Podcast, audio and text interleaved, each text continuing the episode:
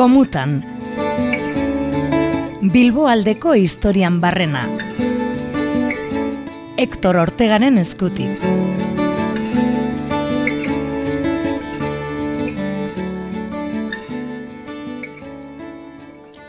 Bilbori buruzko historia ofizialak ahaztu asko utzi ditu bazterrean. Horietakoak izan dira emakumeak, horietakoa izan da euskera. Biletatik zeukan, Bizenta Mogelek, eta hortaz, nekez agertuko da gure udalerriko historia jorratzen duten liburuetan. Euskal literaturaren historian, ostera, lehenengo emakume idazle gisa ipatua izan da, eta hori ere ikusiko dugunez, ez da zehatza. Askoitian jaio zen, Vicente Antonia Mogel Elgezabal, mila saspirion da laro eta bian, aita antzeuelako mediku. Hiru urte bete orduko, aita hiltzitzaion eta orduan, ama, familiaren jaioterrira, markinara alegia, itzuli zen. Herri horretan hasi zen, neba Juan Joserekin, osaba Juan Antonio Abade eta idazle ospetsuaren abaroan, Hiru osabalobak dira, hain zuzen, euskal literaturako mogeldarren leinu ospetsua. Osabak eskola bikaina eman zien loba Bizentaren kasuan, neskatiak berak alana izan zuelako. Horrela kontatu zuen. Sortzi urte nituenean, ekusirik nere neba ikasten ari zala, gure osabarekin latinezko izkera, jarri zitzatan buruan ikasi behar nuelanik ere.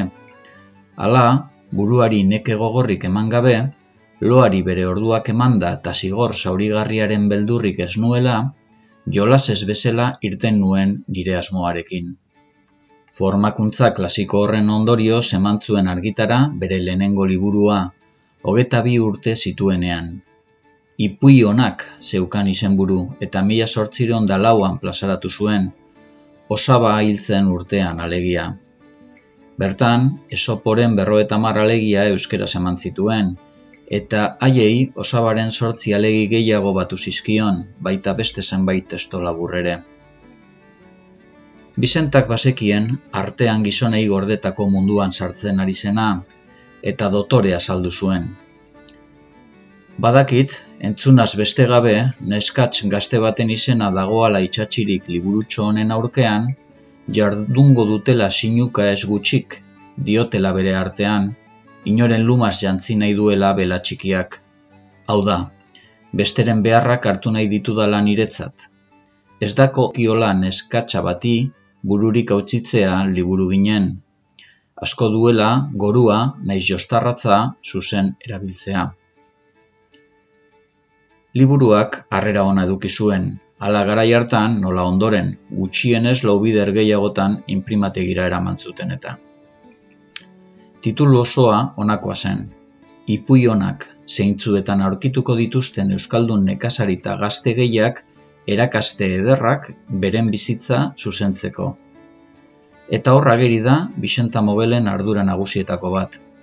Nekazarien esku jarri bere ustez eredugarriak izan behar ziren irizpideak eta pentsamenduak ikuspegi zehatza zabaldu nahi zuen.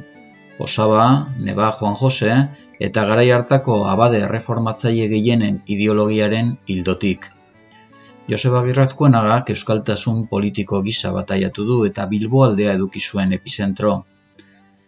Emeretzigarren mendeko lehenengo erenean gurean argitaratu zituzten euskeraz foruak eta ideologia tradizionala, antiliberala, ipar eta bihotz zeuskaten propaganda idazkiak. Bilbo aldean, bai.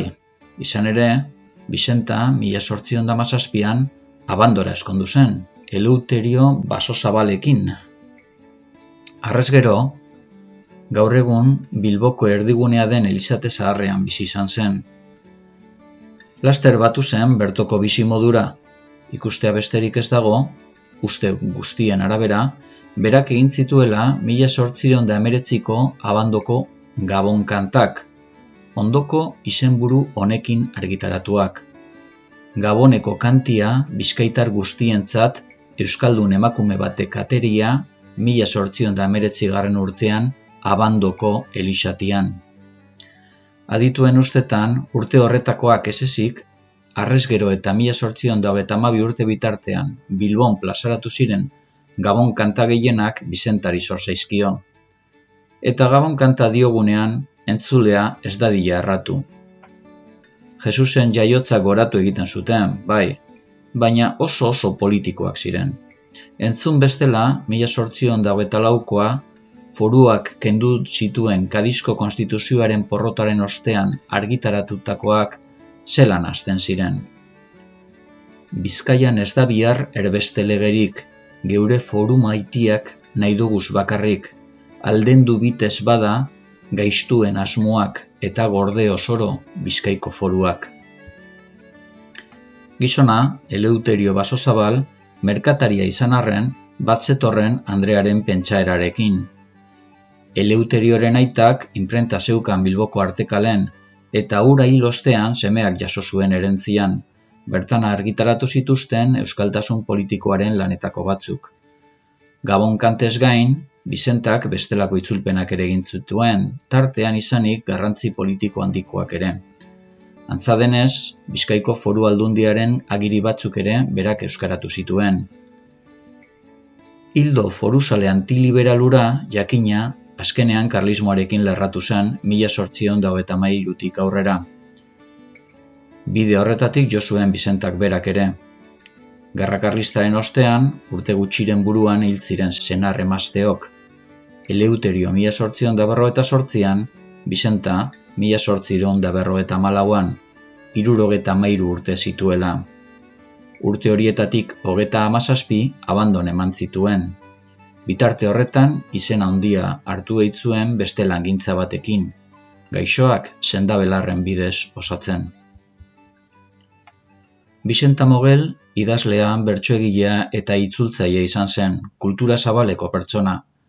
Garai hartan emakumei esarritako mugak naita gainditu zituen, bide berriak urratuz atzetik etorri zirenentzat. Halere, etzen izan inundik inora euskal literaturako lehengo emakumea. Beste asko izan ziren lehenago, gilenen izenak ez dakizkigun arren. Andreak izan baitziren erdiaroko eresi zoragarrien egileak, santxa ozaetako edo usoa alosko adibidez. Literatura idatzian, oraingoz, estibalizazioa da ezagutzen dugun lehengo emakume idazlea, Lazarragaren kaileran agertutako olerki batzuk ari sor zaizkiolako. Orrialde horietan bertan ala itortzen zaio behin Ondoren, jakina beste asko etorri dira, bide berriak egiten, bide zaharrak zabaltzen. Baina ez da dudarik, hogeta bi urteko bisentak mugak hautsi zituela. Liburuan bertan aitortu zuen bezala, nola nik sinesarazoko diet askori euskeratu ditudala erdaldun jakitunak argitaratu dituzten ipuiak. Horretarako behar litzake jakitea euskera, gaztelania eta latinezko hiru hizkuntzak. Sen gauza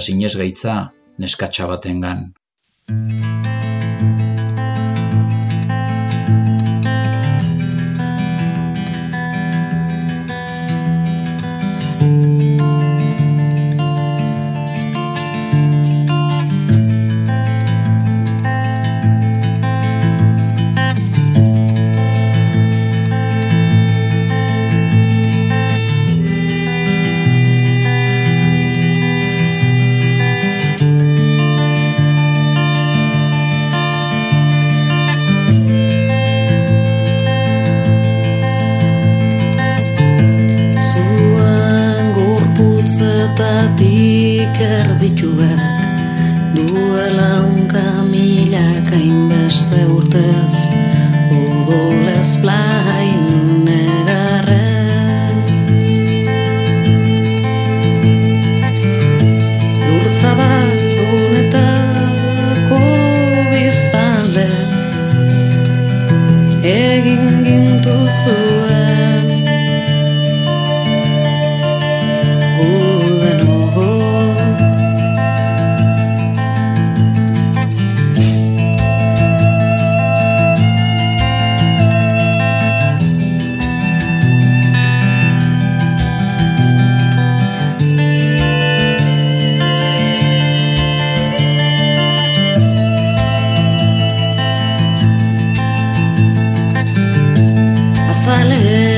Bizilakoekin asmatua Izate hau zentzuz betatzeko Kontakizuhuna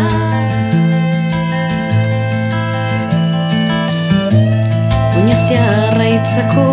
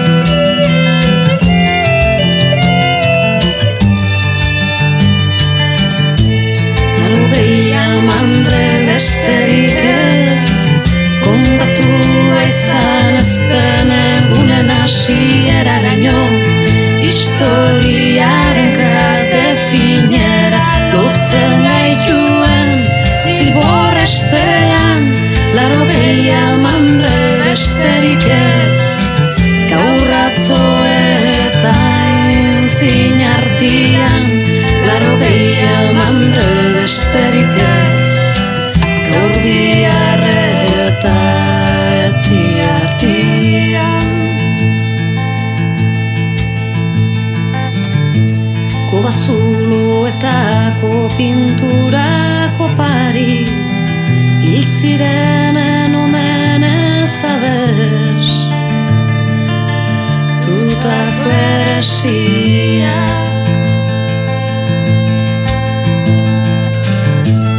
Eren egungo guden ez urten testigantza